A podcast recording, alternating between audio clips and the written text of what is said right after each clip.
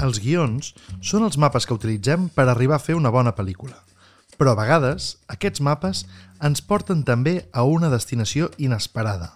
Una destinació que a tothom li agrada visitar. L'entrega dels premis al millor guió de l'any.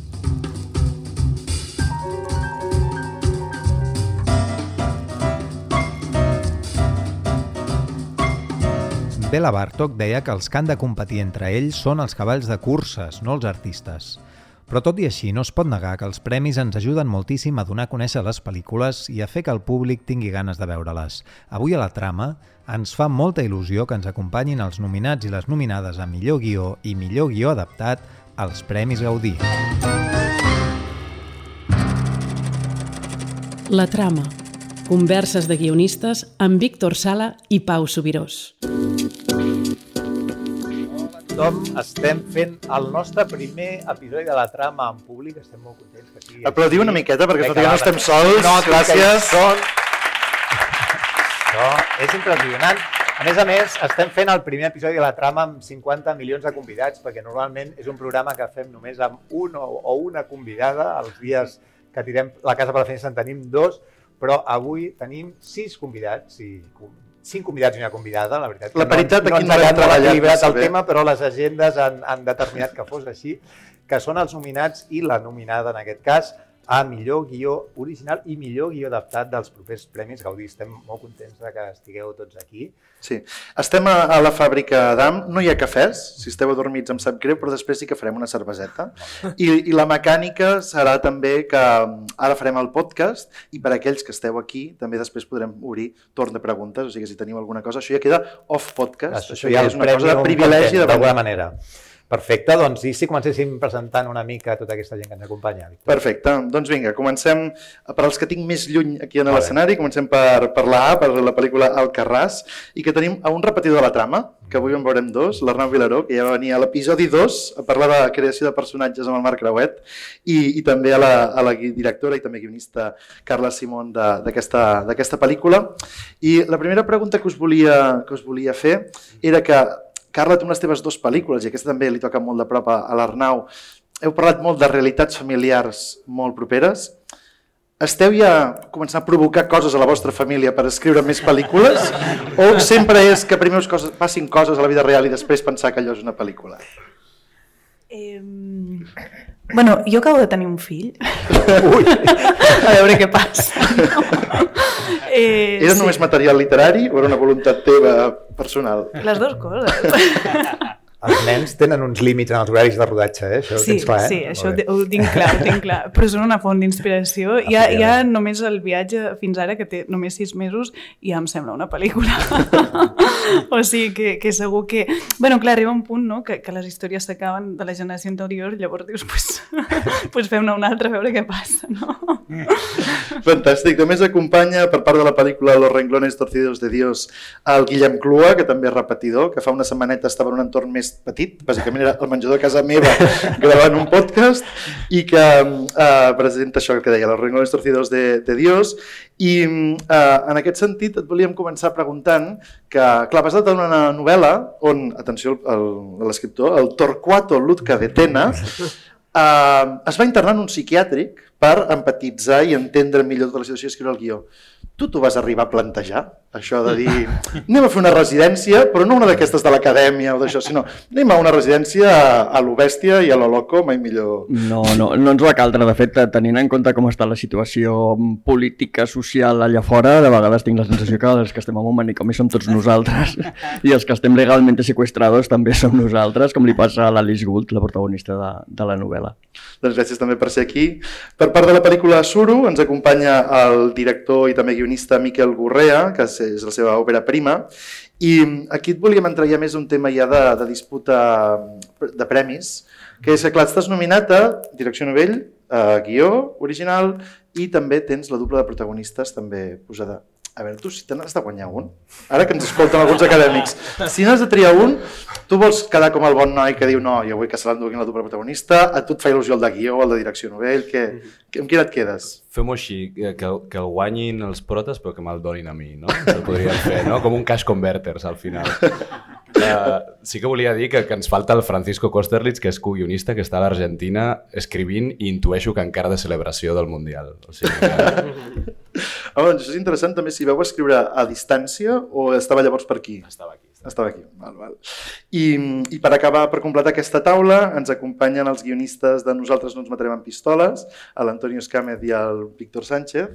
Què tal, com esteu? I la primera, la pregunta que us volíem fer per obrir així una mica el debat era, era una pregunta per l'Antonio, perquè, clar, tu, us va tocar adaptar l'obra de teatre que va escriure el Víctor, que va guanyar doncs, el Premi Max a millor autoria revelació el 2016. Què tal és això, de treballar amb l'autor de l'obra de teatre a l'hora d'adaptar-ho? O sigui, ets, eh, eh, pot ser complement? Amb l'autor. L'autor i marit. Sí. Uh, encara més... No tinc res més que dir. Fins aquí es pot... Seguim junts després de 4 anys. Molt bé, bueno, així no us haureu de discutir per qui es queda el premi en cas de que us el donin, o sigui que això és fantàstic. A veure, nosaltres volíem començar parlant una mica de, de, de, de com heu començat no? amb aquestes pel·lícules. En el, en el nostre programa sempre ens preguntem molt d'on surt l'origen no? que et porta a, a, posar-te a escriure un guió i, i que et dona l'empenta per, per fer-ho. No?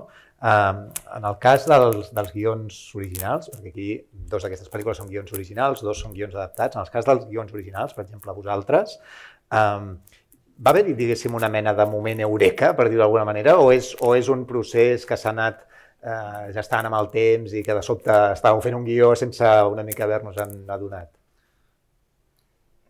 Sí, sí, si vols explicar. Sí, eh, sí, bueno, un moment eureka o sigui, pa, pa, sí, molts. No, però o sigui, com, com, la, com realment la, la llavor del projecte per mi va sortir quan estava escrivint estiu i es va morir el meu padrí, no? que, que, bueno, pues que em va fer plantejar moltes coses no? d'aquestes terres que van heredar després els meus tiets i que ells continuen cultivant presseguers al Carràs, no? però sí que diguéssim que, bueno, no sé, en el, en el meu cas, desafortunadament, i espero que això comenci a canviar des de ja, eh, molts dels projectes tenen com el punt de partida en una mort de la meva família perquè sempre mouen coses, no? les pèrdues, i, i et fan plantejar eh, coses que d'una altra manera no ho plantejaries. No? I, I per mi la mort del meu padrí em va fer com posar molt en valor aquesta terra i aquest espai que compartim com a família i que moltes vegades no, el dones ho dones per fet que està allà i, i bueno, doncs de sobte eh, d'aquí una mica l'argument de la pel·li, no? I, I clar, jo al final, aquest és el poble de la meva mare, eh, jo no he crescut allà i per mi era molt important fer una pel·lícula des de dintre, no? des de dintre d'una família que sí que viu allà i, i aquest va ser una mica com el motiu de convidar l'Arnau a ajudar-me perquè ell pues, és de Bellvís, que està propet del Carràs i també ve d'una família d'agricultors. No? Llavors entenc que el, el conflicte argumental bàsic aquest de les terres que, mm. que de sobte deixaran de ser seves i de més mm, és algo que arriba una mica més tard, per dir-ho així. No, no és un dels punts inicials o, o, o sí que estava molt des del principi? Bueno, està, sí, o sigui, quan l'Arnau va entrar, eh, sí, aquest, aquest argument, o sigui, aquesta idea ja hi era, no? Però una mica també per, per, o sigui, això, no? Com a través de la pèrdua del meu padrí, de pensar què passa si aquestes terres es perden i de fer una mica de recerca, o sigui, parlant molt amb els meus tiets, no? O sigui, jo recordo un Nadal, eh, que, que jo encara estava amb estiu, eh? eh de, de, de, en pijama amb els meus tiets, com, no? O sigui, que ens els vam aixecar i, i, i, està, i vam començar a parlar del tema de la propietat de la terra, no? De com gent de la zona havia perdut les terres, de com gent de la zona està abandonant i ja no vol continuar cultivant la terra perquè no els hi surt a compte, no? O sigui, com que vam, de sobte ens vam posar a parlar, es van fer com les dues, que era el dia de Nadal, i havíem de córrer a, no? a, a preparar tot. Eh, i, I aquell dia per mi va ser com molt clau de aquí hi ha una pel·li, o sigui, en aquesta zona hi ha una pel·li i això jo ho vull fer no? no sé com, i després, evidentment... O sigui, que va néixer un dia de Nadal, la sí, pel·lícula. No sí, fons. va néixer un dia de Nadal. Doncs mira, ara pots celebrar l'aniversari d'aquí ben poc. Sí. Quin perill els Nadals amb Carla Simón, el... no? Resulta, ara aquest Nadal està ja planificant la cinquena pel·lícula i té unes entrevistes també amb la família. Digues sí, de fet, la, la pel·lícula començava un Nadal, si no recordo malament, perquè al principi el Carràs eren quatre estacions. Sí, sí, Llavors, bueno, des, sí, després de molt treballar vam veure que tenia sentit que fos només l'època d'estiu, no? que la convertia en una pel·lícula com més intensa, Sí. I així parlant una mica de la idea, sí que és veritat que ja estava molt des de l'inici, o sigui, la Carla tenia com aquest desig de fer una història amb molts personatges, de fer una història sobre unes terres, no?, i sobre el cultiu del préssec, sí Però sí que el conflicte com a tal, a l'inici, tenia algo una mica més thriller, no sé si te'n recordes, que, que era més una història de disputa entre dos veïns, no? Jo he hagut de trucar al Guillem, no? Que és un I ho vam anar com reconvertint fins a tro- trobar-nos més còmodes, no? En buscar el conflicte que sortís de des, des de dins de la família, no? Sí, perquè, clar, també hi havia una cosa eh, amb el tema no? de, que, de que al principi, en lloc de ser un germà i dues germanes, eren dos germans i, i, i més gent, eh? i més nens, molts nens més, que els vam haver de treure. Però, però bueno, en qualsevol cas, era una, una pel·li com més d'un conflicte entre germans que després, a poc a poc, no? va, vam anar com canviant. I jo d'aquesta cosa de, de les estacions, el que em va saber més greu perdre va ser la cavalcada de Reis, bueno, la boira també, però la cavalcada de Reis en tractor. Això em molava molt. Però, però, Bueno, això, mira, va- amb la idea que tindràs ara aquest Nadal, Sí. eh, pots, pots començar des d'aquí. Sí. Heu estat ja traient un tema que, que, que és que té pinta de que heu fet realment moltes versions no? d'aquest guió i aquesta pel·lícula, m'imagino que han anat prenent moltes formes. Uh, en el teu cas, per exemple, uh, um, uh, sí, perdó, Miquel, uh, també ha sigut així, és a dir, el guió de la teva pel·lícula, quantes versions n'has fet? A veure, comencem per aquí. És que la Carla i jo, que vam estudiar en una escola a Londres, hi havia una profe que eh, ens va, dir, ens va dir moltes coses que jo no vaig trobar gaire interessants, però una que sí vaig trobar molt interessant és que, que no, que no fiquéssim el número de la versió per no sacralitzar aquesta idea de porto 56, ja ho hauria de tenir. Aleshores, només posar la data. I no tinc ni idea... Que passa és que si la data diu 2009 també comença a Ah, ser no, no, preocupant. jo et puc dir, o sigui, jo et puc dir que la primera versió del guió de Suro, perquè jo em vaig comprometre amb la Laura Rubirola i la Clàudia Maluenda, que, eren, que són les meves productores, no? eh, els hi vaig dir, abans del 2017 tindré la primera versió. El 31 de desembre ma mare m'estava dient a sopar, vine, i jo estava allò, a enviar, saps? Va ser allò. Molt bé. Doncs, i, i- una mica com va ser... Què va passar aquest 2017? A veure, una mica et, et, et retorno la pregunta que els hi feia amb ells, no? Crec que en el teu cas també hi ha un component biogràfic fort, diguéssim, no? Com és que bastants anys després, de sobte hi ha un dia en què allò realment es transforma, no?, en un projecte de guió? Clar, jo, jo penso molt per què es queden certes coses no? en, en, dins teu i, i són com desitjos d'escriure de, de, d'escriure una pel·lícula. Com deies tu, jo, jo vaig treballar de temporer en, en, en la pela del suro, no? el 2010, i allà vaig descobrir aquell univers i vaig tenir la sensació de que allò era quelcom que jo volia filmar, que jo volia com comunicar a través del cinema, per, pels ritmes que té, per les textures que té, i també vaig tenir les primeres sensacions com contradictòries que d'alguna forma ja configuren que és una pel·lícula sobre la contradicció, no? que és aquesta idea que jo venia de part de, de propietaris però no ho era, que jo estava fent de temporer però per mi seria només un estiu, que jo, diguéssim, parlo català i si m'apretes una mica parlo un català empordanès per les meves relacions amoroses, etc. però la gent em preguntava, tu d'on ets? I jo deia, jo de Donosti, la gent em mirava com estrany, no? I aquestes idees es van quedar amb mi lligades amb aquest univers i, i, i vaig pensar, algun dia escriuràs alguna cosa. Clar, jo després me'n vaig a Londres no? i d'alguna forma està com el desig de dir vull escriure el meu primer llarg, no ho vull fer a Londres, no? vull com tornar. I aleshores tornes en aquest lloc. Però clar, tu has, jo havia canviat, no? Jo tenia 31 anys, estava en una relació llarga de parella i ens estàvem fent totes aquestes preguntes que es fan els personatges de l'Helena i l'Ivan a la pel·li, no? De si viure a la ciutat o viure més en contacte amb la natura, si volen tenir fills, si poden viure més acord amb la imatge que tenen d'ells mateixos, no? I d'alguna forma des d'aquí la vaig escriure, com preservant aquell primer impuls, aquest eureka que deies tu, però també com entenent molt que escrivia des de l'ara meu, no? que havia canviat. Uh -huh.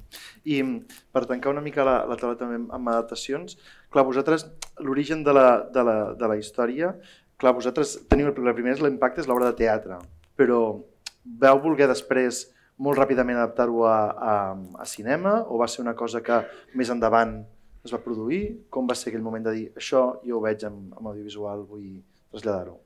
No, des, de, des del principi que vam començar a treballar en, en el guió era per a fer, bueno, per a fer una versió cinematogràfica, o sigui, que sí. Cert és que, que la productora va veure la, el teatre primer, va ve- veure un parell d'obres de teatre nostres, especialment de Víctor, Lina, eh, eh. Lina Badene, Aquí està Belén. i, i Belén.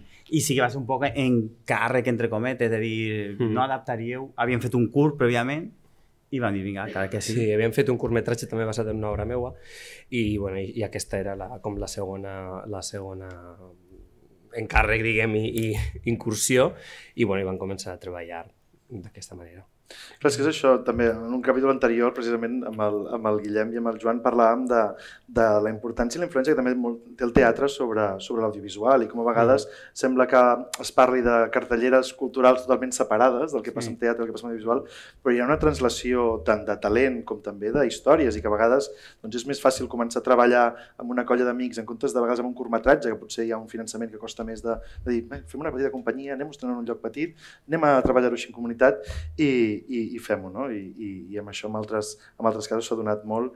I, I amb el Guillem, clar, en quin moment t'arriba tu el projecte de Los Renglones Torcidos de Dios? És una cosa que és, és un encàrrec, és una novel·la que us obsessiona tu i l'Oriol Paulo? Com, com arriba a ser aquest projecte?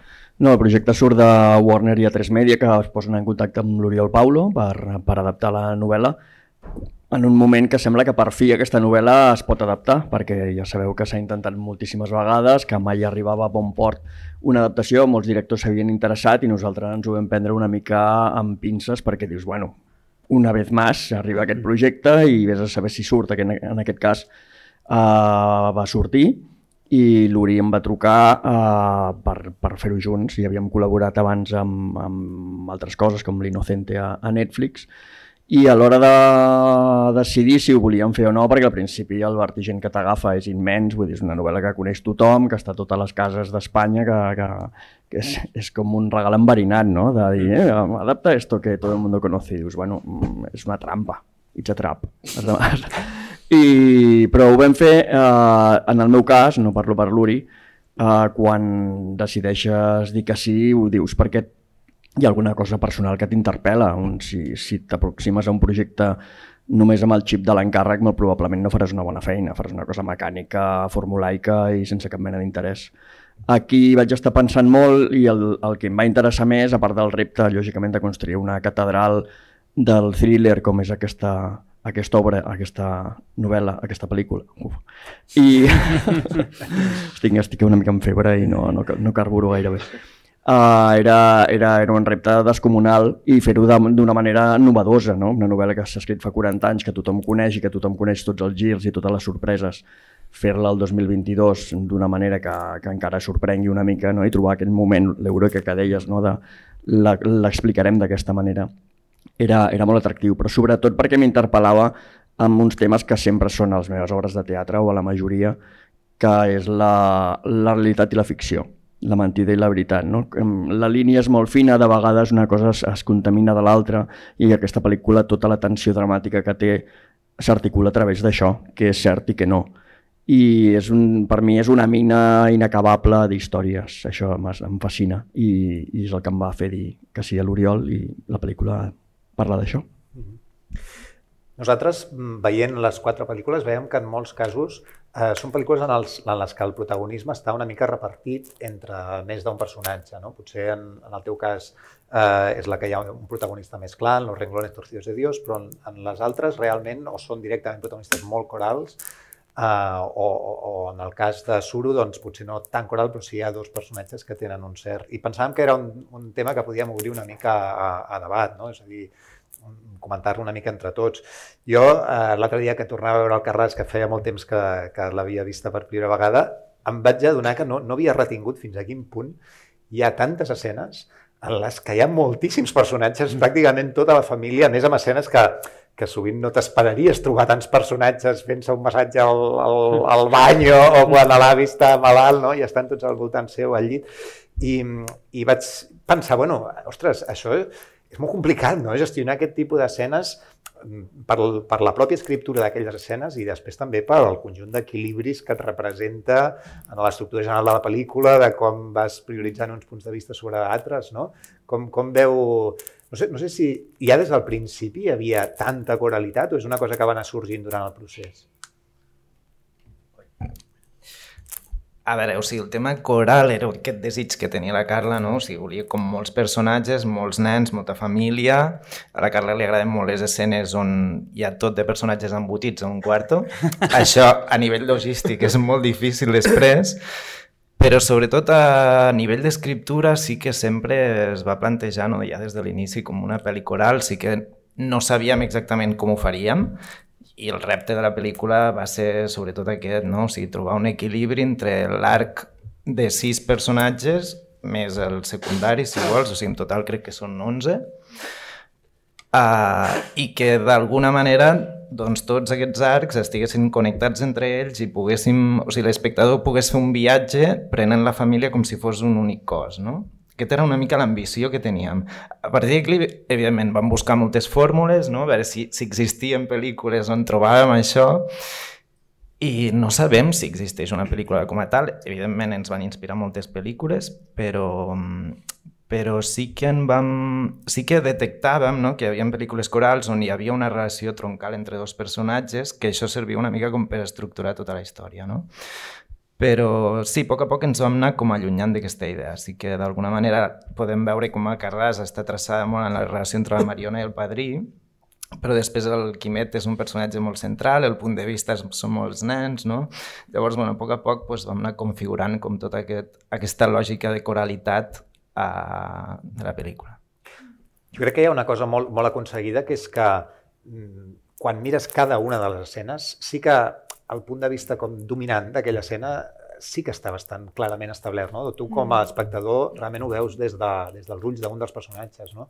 Jo no sé si en el vostre cas, per exemple, eh, si sí. parlant amb nosaltres no ens matarem amb, amb pistoles, eh, teníeu, quan començàveu a treballar una escena, per exemple, us plantejàveu, no? De, de qui és aquesta escena o com, com treballàveu la coralitat de la vostra pel·lícula? Sí, sí, o sigui, plantejant de qui era, de qui era l'escena, on estava el focus i, i, i també a vegades deien, ostres, de, no? com fem això, perquè clar, sí, és, la pel·lícula és molt un, un, un, fresco generacional i, i clar, vull dir, també no, nosaltres ens agradava que, que estiguérem quasi, no? quasi jo, tota jo sí tenia un referent molt clar, eh, havent vist l'obra de teatre i veient que hi havia cinc protagonistes, vaig pensar en cinema, a mi m'agrada molt Robert Altman, que mm. feia pel·lis molt corals, sí. amb molts protagonistes, amb molts microconflictes mm. que no acaben de desenvolupar-se moltes vegades, i sí que em va ajudar aquesta, aquesta visionat de pel·lis de Robert Altman, com Un dia de boda vam veure, mm. per intentar guiar una miqueta aquests cinc personatges més que anaven apareixent a, a fer l'adaptació van sí. aparèixer personatges nous com una gallina, eh, eh, personatges que no estan vius... Eh. Mm -hmm. Aleshores, eh, aquesta guia coral era, era important. Sí. I sí que ja un, sí que vam intentar buscar un protagonista o algú que, tinguera el punt inicial de partida, que és la Blanca, sí, i sí, alrededor sí. d'ella traçar tot, tot el que passa. Mm. Bueno, jo vaig escriure l'obra com, una, com un com una, un, no sé, com matar a la protagonista, perquè realment, o sigui, la que, la que diguem fa, no? la que canònicament és la prota, passava com a un segon pla perquè es desenvolupaven la resta de, no? la resta de conflictes i bueno, això també vam veure com, com ajustar-ho a, a la peli, no? perquè també vas descobrint tot. Sí, és com, com una falsa protagonista, com en psicosis, no? Sí. O sea, presentes a una protagonista que després abandones per anar-te'n en uns altres personatges. Mm.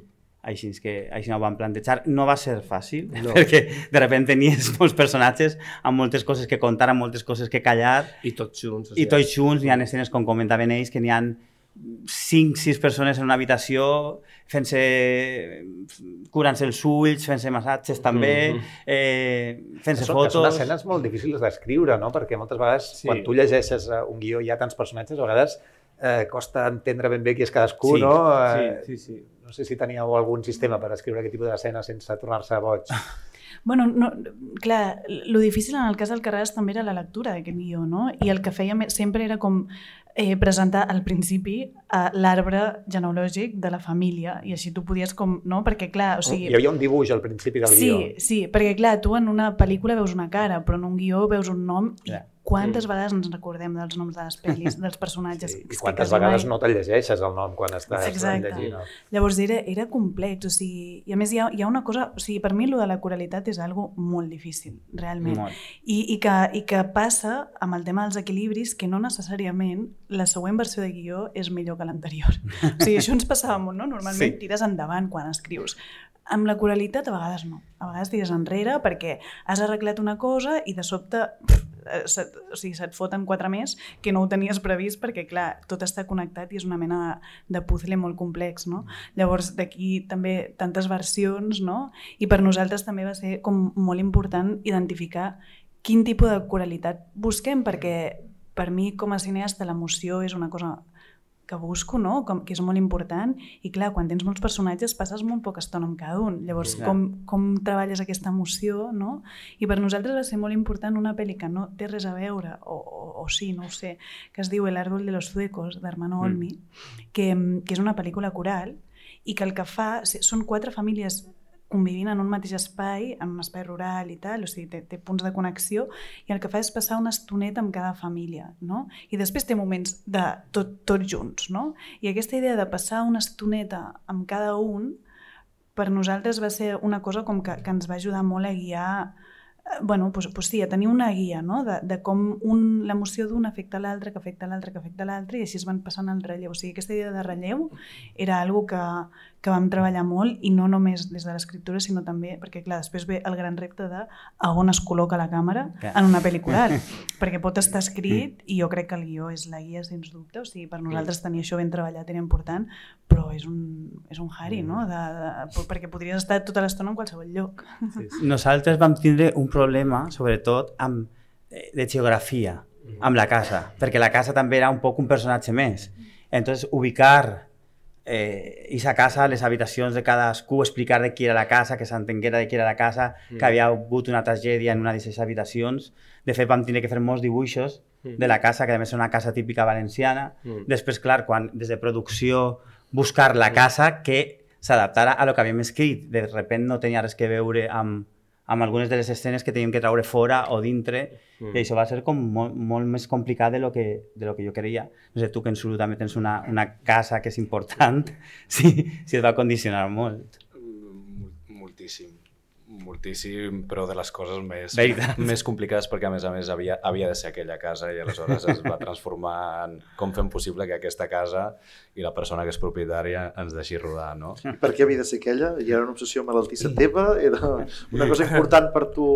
Mm. O és estèticament Clar. portava alguna cosa? O sigui, em van buscar moltes més, eh? Fins i tot, fins i tot vam fer l'exercici de buscar a València quan hi havia com aquesta via que de cop potser hi ha una línia de, de fer una copro valenciana i vam anar allò diligentment, o sigui, vull dir que vam fer els deures, però sí que és veritat que vam tornar en aquella.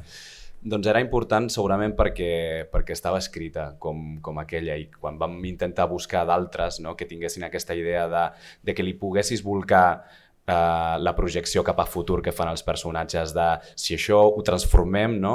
doncs serà una mica no? la vida que voldrem tenir, però alhora també havia d'estar en aquest estadi on necessita d'aquesta reforma. L'herba havia d'estar crescuda, no? El que passa amb les masies, i amb les masies de l'Empordà passa molt, no? És que estan molt refetes o molt atrotinades i aleshores ja, no? Vull dir, nosaltres no podíem fer una transformació super heavy. Aquest estadi intermig, que realment creguis que aquests dos personatges diran, sí, sí, ens instal·lem ja, però la volem transformar, però, però ens creiem que això serà molt bonic no? i que podrem estar increïble, era un estadi delicat i aquesta ho tenia. I estava molt aïllada i estava molt connectada de les altres localitzacions que nosaltres sabíem que havíem de fer un rodatge compacte en quant a localitzacions perquè si no perdíem un temps que no teníem.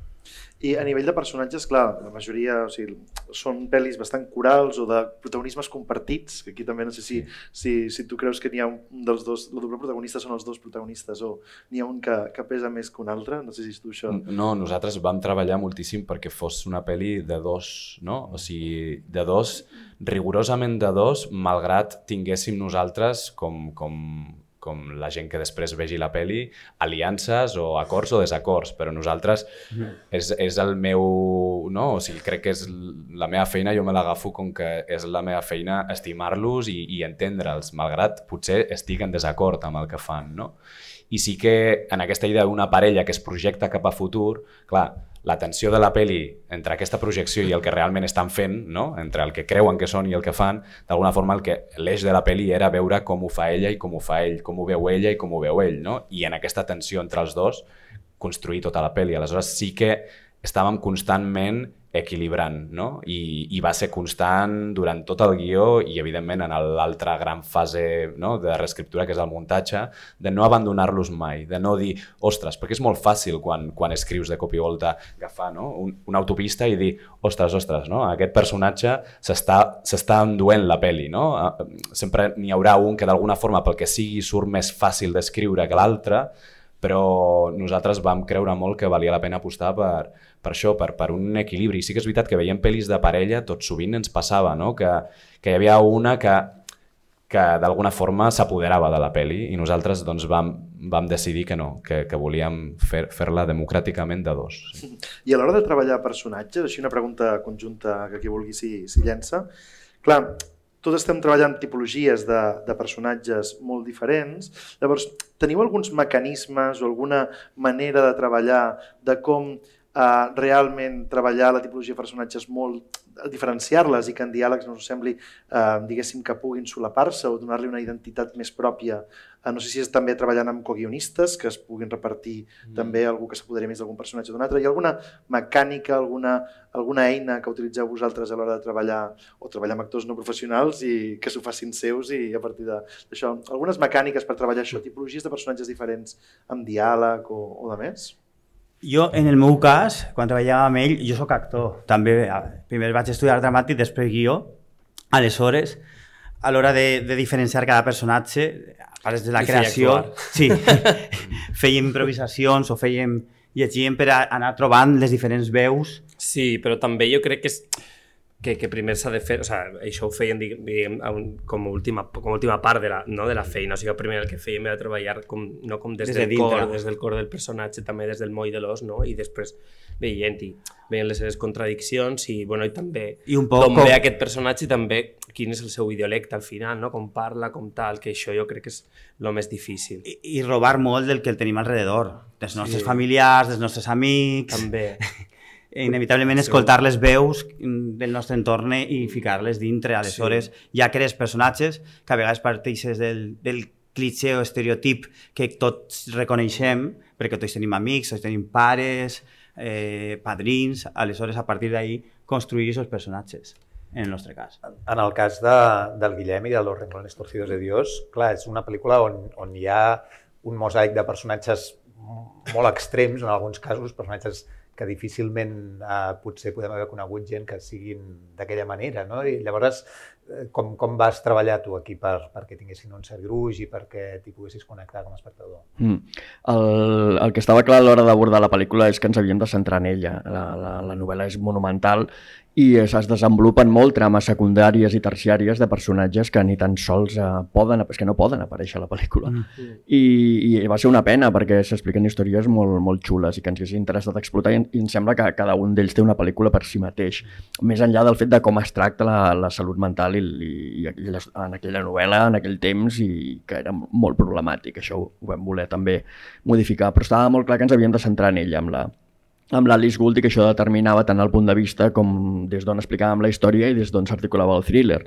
Uh, va ser un, el, el que deia els altres personatges sí que és veritat que després a posteriori es va fer una tasca des de direcció per part de el Paulo de reflectir-los molt uh, amb la figuració i amb, el, amb les petites parts que sí que es va, es va tenir molta cura i es va intentar uh, cobrir el màxim possible de, de personatges que hi havia a la novel·la també com a per donar veritat i verosimilitud al que estàvem explicant, però també per exposar i per ensenyar el, el que s'estava fent en aquella època, en aquesta mena d'institucions, de no agafar mm, qualsevol figurant ni fer-li fer Eh, bueno, aquesta, això és un, un temazo també, no només amb el tema de la salut mental o de, o de les, les dolències que pugui tenir un, un personatge, sinó amb la representativitat que tenen aquests personatges i d'altres en les ficcions. No?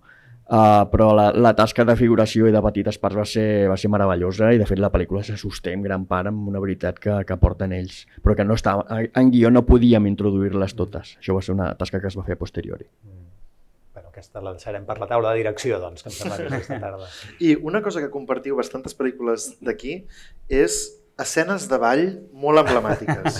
O sigui, hi ha moment, això jo vull saber si és la pandèmia, que realment era com ara aquí diversió i traiem-ho tot, com s'escriuen aquestes escenes? Perquè, clar, moltes vegades és només aquesta música que a mi m'agrada i ja s'apanyarà direcció en trobar-ho, o realment hi ha molta coordenada, eh, diguéssim que també incloem per acotacions, per actors, per què, què veurem, o sigui, com s'escriuen exactament aquestes escenes de ball que em sembla que, que són molt importants en, les, en tres de les quatre pel·lícules. comença. Vale, eh, començo jo. Doncs, sí, clar, No, que comences la pel·lícula, Em, sembla, clar, em sembla, no, no sé si estareu d'acord, no? però és que una de les coses més gustoses de veure en cinema, no? Personatges ballant. Aleshores, jo crec que primer hi ha com aquesta, aquest desig de que això existeixi a la peli. En el cas de Suru, diguéssim, amb els, el, la parella, no? l'Helena i l'Ivan, estan, estan, estaven escrits d'alguna forma com amb aquesta energia, no?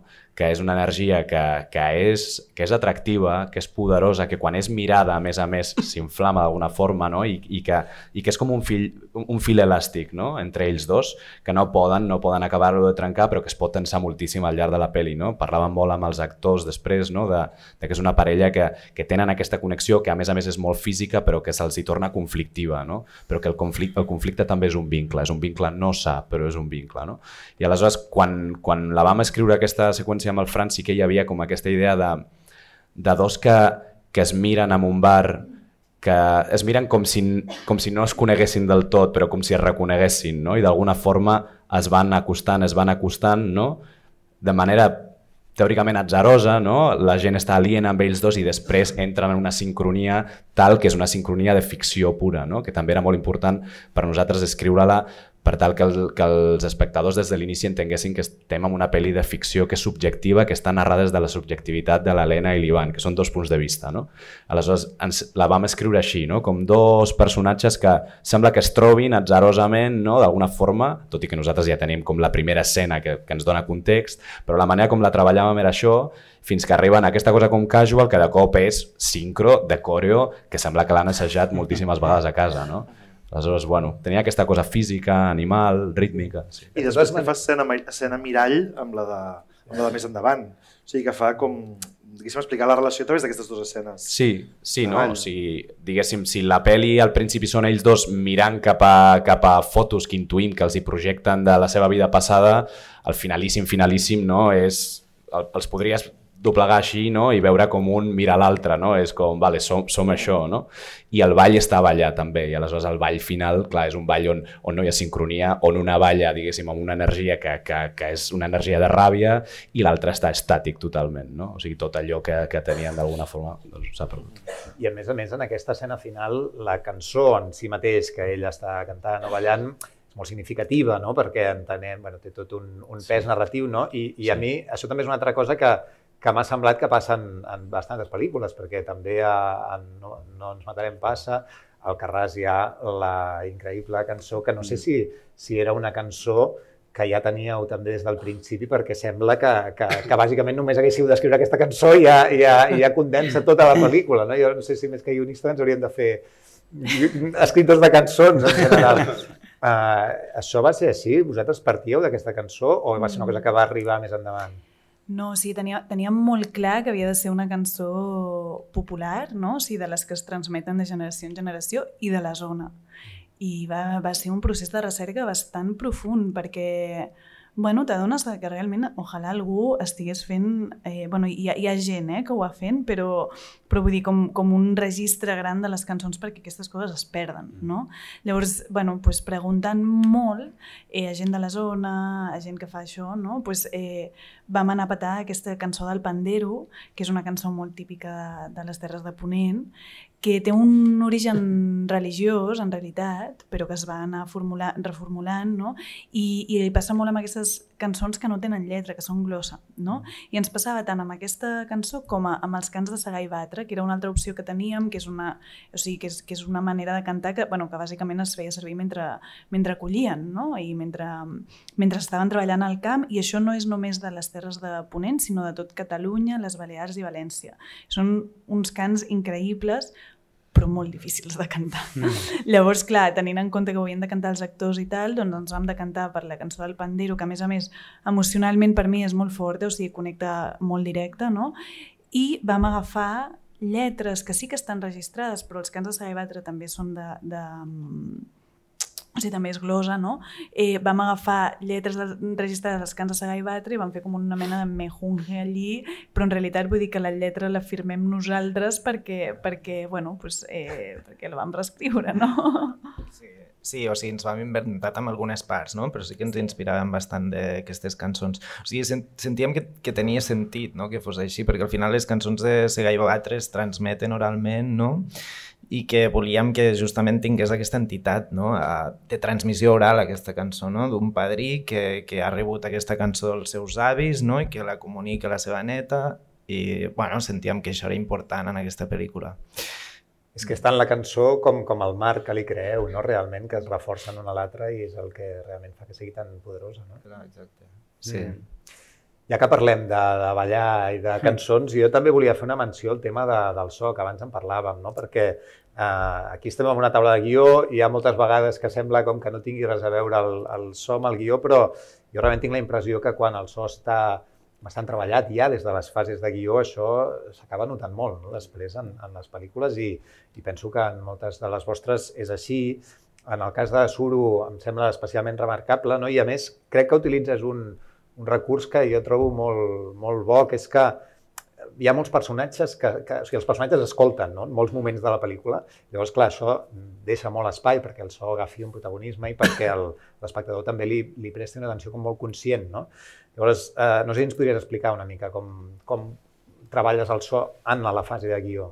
Sí, um, o sigui, clar, partint d'aquesta gènesi, no?, de, de, de, de trobar trobar-te de cop amb un univers que és tan ric en sons, no?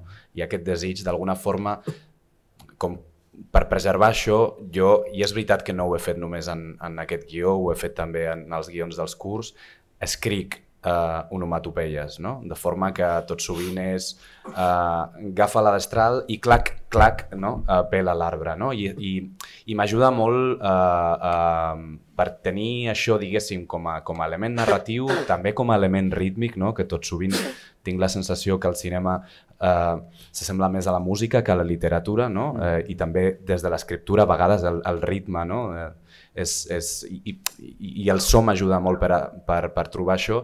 I també és veritat que, clar, entenent que eren aquests dos personatges, el de l'Helena i l'Ivan, que arriben a, aquest, a aquests elements que no, que no controlen, que els estan intentant uh, moldejar, um, hi havia molt la sensació d'orientació-desorientació, que al final el bosc és una mica més...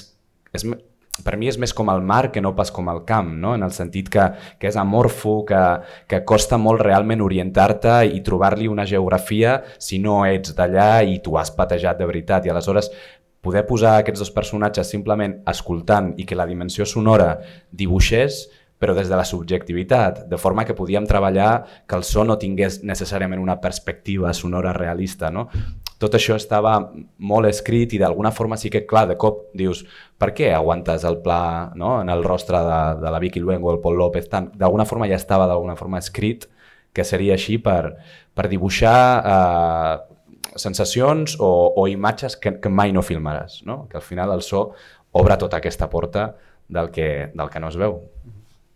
I Ara per fer una pregunta una mica de tots uh, amb els vostres guions que, que haurem d'anar tancant. Um, hi ha alguna escena, o sigui, hi ha molta gent que, que a vegades comenta que a vegades les escenes d'inici o de final són les que més mal de caps els hi donen perquè és com amb què començo, amb què la gent s'endú a casa justament de després, o a vegades la de presentació de personatge determinat és el que marca més doncs, una mica tota la, el focalitzar de, de, del patiment a l'hora d'escriure. Uh, amb cadascun amb les seves pel·lícules, el, quina ha sigut una de les escenes que, que potser ha sigut com la més capdalt o que heu reescrit més o que us semblava que, que, que li heu dedicat com més, més estima o més temps? O hi ha hagut alguna que realment us ha tocat d'alguna manera de, a l'hora de treballar-la que dieu mira, aquesta va costar molt o potser no és la més a la que tothom em destaca quan, quan parlo de la pel·lícula, però a mi és la que crec que Teniu alguna d'aquest tipus d'escenes? N'hi ha moltes, no? Sí, bueno, la, per mi o, o sigui, una, una que vam reescriure molt és la cargolada, no? O sigui, que, que era, perquè al final és una escena purament de diàleg, no? Bueno, jo, jo, nosaltres crec que amb el diàleg jo tinc una cosa que és que em sembla que és, que és pràcticament impossible escriure com parlem, no? Llavors, no ens ho prenem molt en sèrio, no?, el diàleg, perquè al final per mi és com que el, el, el com ho diran crec que pertany als actors, no? Però sí que, clar, o sigui, en el cas d'aquesta escena era una cosa molt delicada, hi ha moltes tensions, no? Hi ha moltes coses que sembla que no estiguin escrites i estan escrites. bueno, això en general en la pel·li, sí. està, està tot escrit. Sí, no, però una mica, però... potser el funcionament perquè no el conegui, que vosaltres el que vau fer ser, vau escriure un guió mm. que amb aquests actors no professionals el van llegir una vegada sí. i a partir d'aquí vau estripar aquest guió, no els hi vau deixar i el que vau fer va ser assajos amb ells que, amb el que recordàvem i el que vosaltres us anàveu d'indicacions, s'ho fessin seu, no? Una mica és així el sistema? Sí, bueno, no el vam estripar, eh, no els hi vam deixar.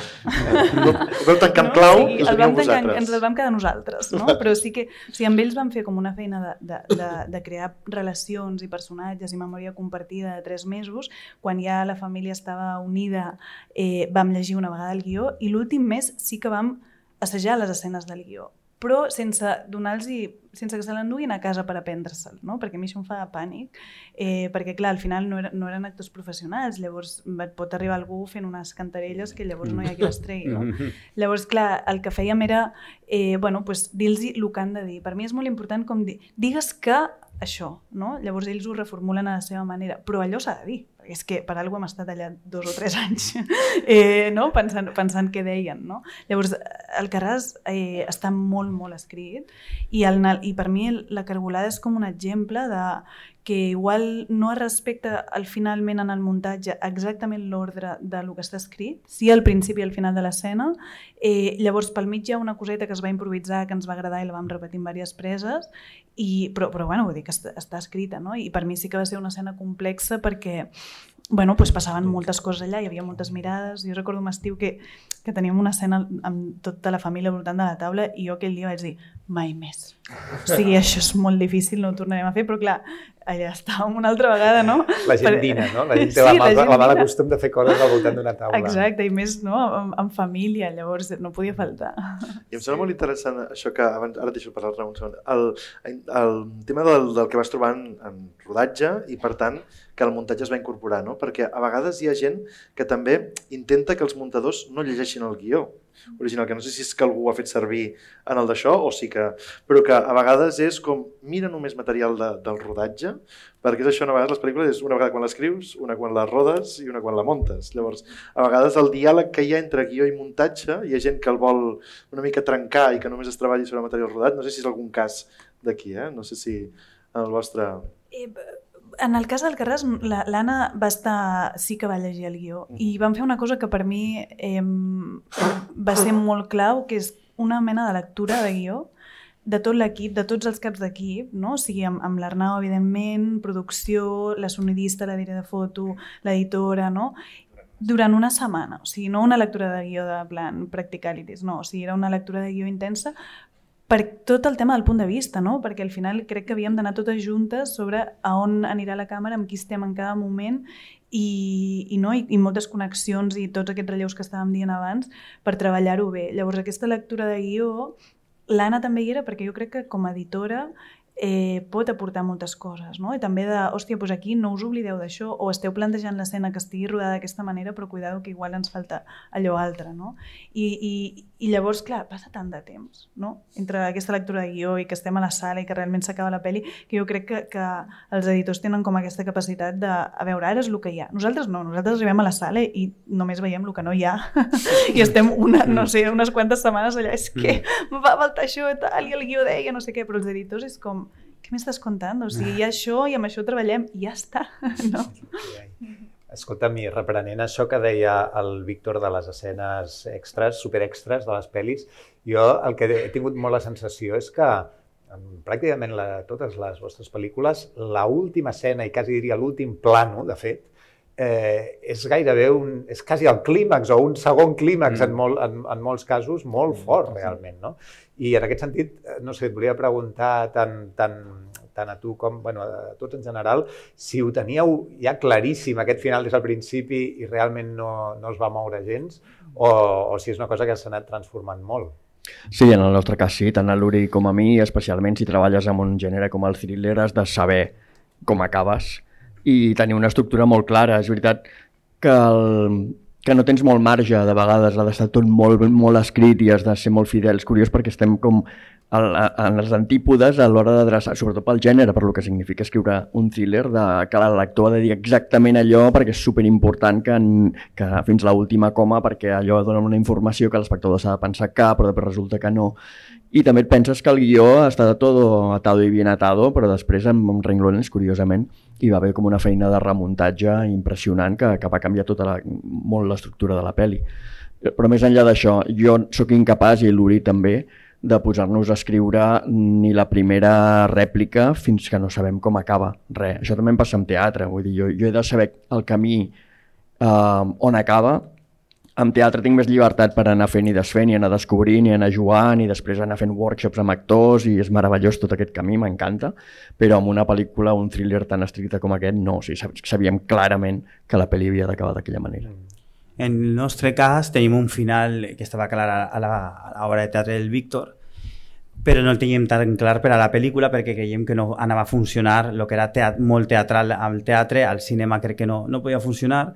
Sí que teníem clar un concepte que era el life goes on, la vida sigue, i ho teníem clar que teníem que arribar ahir després de tot eh, que els passa a aquests personatges, és quasi al temps real, 24 hores en la vida d'estos cinc amics, aleshores hi havia que arribar a, a, esa, a ese concepte de dir, bueno, ha passat això, demà se desperten i res canvi, no hi ha un gran canvi amb ells, no tenen una gran revelació, no? Eh, que, aleshores sí que tenim que arribar ahí, ho teníem clar, passar primer per aquesta verbena o festa, que és com un primer final clímax. Bueno, i vam trobar també sí. el, el, no? el, el, el sepeli de la gallina, no? anar a soterrar la gallina com, com, a fi, com, com un procés, bueno, com acabar un procés de dol, de dol no? amb, amb l'amiga que ha faltat. I això sí que va ser, ho vam descobrir, no? Quan es vam ficar, bueno, quan va aparèixer la gallina primer, perquè això també va ser, i, i després quan la vam, no? Quan sí, la vam sobretot perquè també vam anar descobrint que el dol era, era un, un dels temes més importants de la nostra pel·lícula i l'acceptar el dol. I de fet, a, la, a, la, a esta catarsis de verbena que tenim amb, per lo que dèieu abans, nosaltres havíem escrit una verbena més clàssica i les productores i Maria van trobar Orchestra Sound System i que, que pegava molt amb la nostra generació i que és una, mm. un, un encertament a la pel·li. Mm. Aleshores, ahí és on esclata el dol i tenim que, que, que, que conduir-lo a ese, a ese final. I no ha, que crec que era l'únic que podia haver, no podia haver un altre. Mm.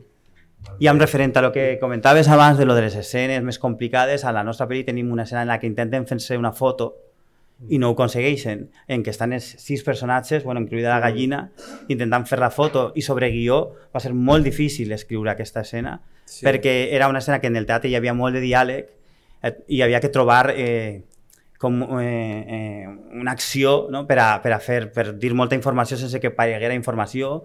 De fet, pareix que estan improvisant, no està improvisat, està tot escrit Mm. I sí que sobre guió no sabíem si funcionaria o no, tot aquest punt de vista subjectiu de Blanca amb la càmera, després la fer-se-la, i, i realment funciona molt bé, també gràcies a, a la direcció de Maria, mm. però va ser l'escena més, sí, crec que més complicada perquè crec que eren 10 pàgines de guió. I perquè en... es poguera entendre també el punt de vista. I... Mm. A mi em va sorprendre molt, havent vist així molt seguit eh, Suro i Alcarràs, no? que l'últim plano de les dues pel·lícules vostres, eh, sent molt diferent, no? Hi ha, algú, hi ha com una familiaritat, trobo jo, no? perquè de mm. sobte deixa allà un, bueno, tota una perspectiva. En realitat, crea un nivell de clímax no? que és quasi sembla un cliffhanger, no? pràcticament, el, el, el, els, els, els últims planos de les vostres pel·lícules. No sé si és que teniu previst de fer una segona part de, de cada una d'elles. Són franquícies, es nota. Eh? Sí, sí, sí. Són pel·lícules que... Vuit, vuit sèries de Marvel, després... I... Molt bé. Escolta'm, ja que parlem tant de clímax i de final i de que ja quasi hem passat una hora, jo penso que ha arribat el moment de fer la secció més cèlebre del nostre podcast, que es diu El Clímax.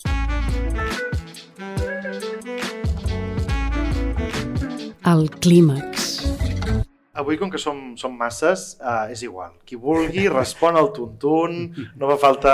Perquè això, per els que esteu aquí, sí que serà més fàcil de saber qui respon què, però aquí uh, una mica qui vulgui que vagi dient. I són preguntes ràpides, és una resposta escueta, normalment a escollir. Trama o personatges? Personatges. Personatges. Sí. Trama. Per escriure, matí, tarda o nit? Nit. Nit. I tarda. Matí. I nit. Tarda. Totes les hores. Totes, aquí. En alguna categoria dels Gaudí heu votat alguna vegada una pel·lícula que no heu vist? No. No. Jo no he votat mai perquè no... Eh, jo, jo sí.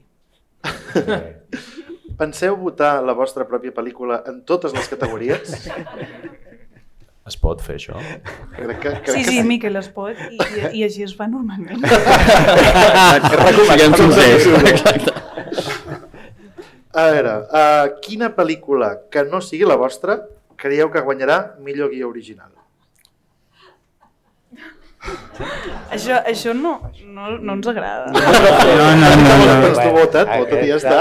Aquesta la farem quan s'acabi el podcast, doncs, si de cas. Però va, la més delicada de totes. A quina hora us anireu a dormir el dia dels premis? A quina hora creieu que us anireu a dormir el dia dels premis? Una setmana després. És que és, és, és com diumenge, no? És un diumenge, Ja. efectivament. Aquells meravellosos dilluns de després dels Gaudí, són un, un clàssic, això. Depèn molt, Arnau, si trobem un karaoke, no? Exacte, sí, però ara no calia revelar-ho aquí, això. El tema de la cançó i el ball continua, continua associat. Molt bé, bueno, escolta'm, gràcies de totes maneres per, per haver-vos prestat. A més, vosaltres dos ja hi havíeu passat per al, per al clímax, o sigui que realment gràcies per haver volgut tornar, gràcies a tots per, per haver sigut aquí. Estem molt contents d'haver fet aquest episodi que de fet tanca una mica la, la nostra primera temporada de la trama. Ara ens agafarem unes petites vacances per veure si a banda de fer programes de ràdio sobre escriure guions també aconseguim escriure algun, uh, però aviat tornarem amb més, amb més capítols i estem molt agraïts de tot el seguiment que ha anat tenint uh, aquest programa, que us recordem que uh, manté, diguéssim, els seus 12 capítols anteriors penjats a totes les plataformes. Podeu trobar els enllaços a la web trama.cat, no la trama.cat, perquè la trama.cat és una comisteria, però a trama.cat podeu trobar els enllaços a tots ells i ens consta que molta gent els està descobrint ara amb un cert retard des de la data en què es van publicar, però està considerant que és un recurs molt útil per l'escriptura de guions, o sigui que us convidem a tots a que, a que els escolteu. Doncs gràcies a tots també per acompanyar-nos a l'Acadèmia per, utilitzar, per organitzar aquest acte d'avui i simplement eh, agrair a l'ISEC que dona suport a aquest podcast, a l'Alberto Lai a la postproducció, a l'Alba Pasqual a la producció i fins al proper episodi. Bona escriptura. I bona reescriptura.